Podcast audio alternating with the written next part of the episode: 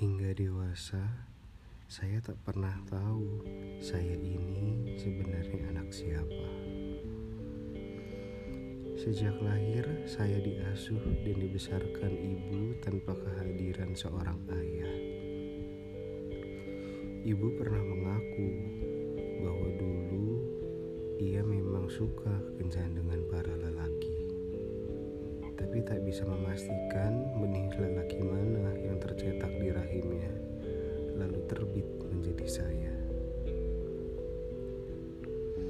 Ibu tak pernah menyebut dirinya perempuan jalang, dan bagi anak seperti saya yang mengalami kelembutan cinta seorang ibu, soal itu toh tidak penting-penting amat.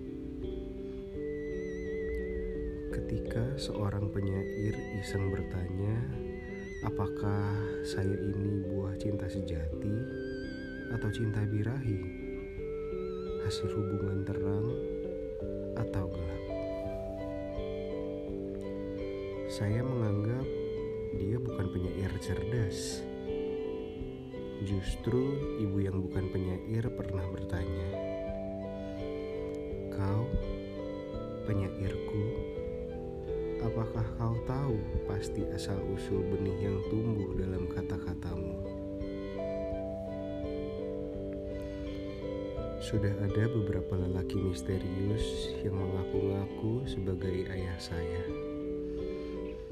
Masing-masing menyatakan cintanya yang tulus kepada wanita yang melahirkan saya, dan mereka juga merasa bangga terhadap saya.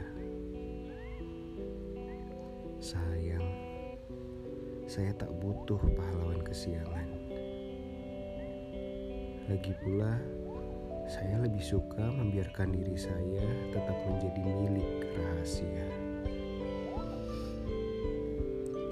Kini ibu saya yang cerdas terbaring sakit.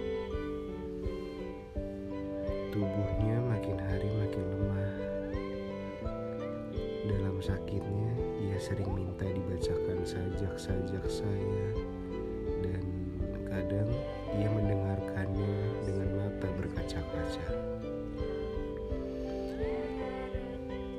Beberapa saat sebelum beliau wafat, saya sempat lancang bertanya,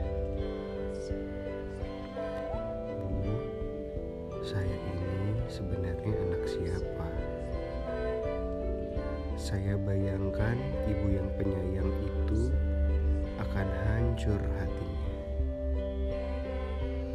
Tapi sambil mengusap kepala saya, ia menjawab hangat.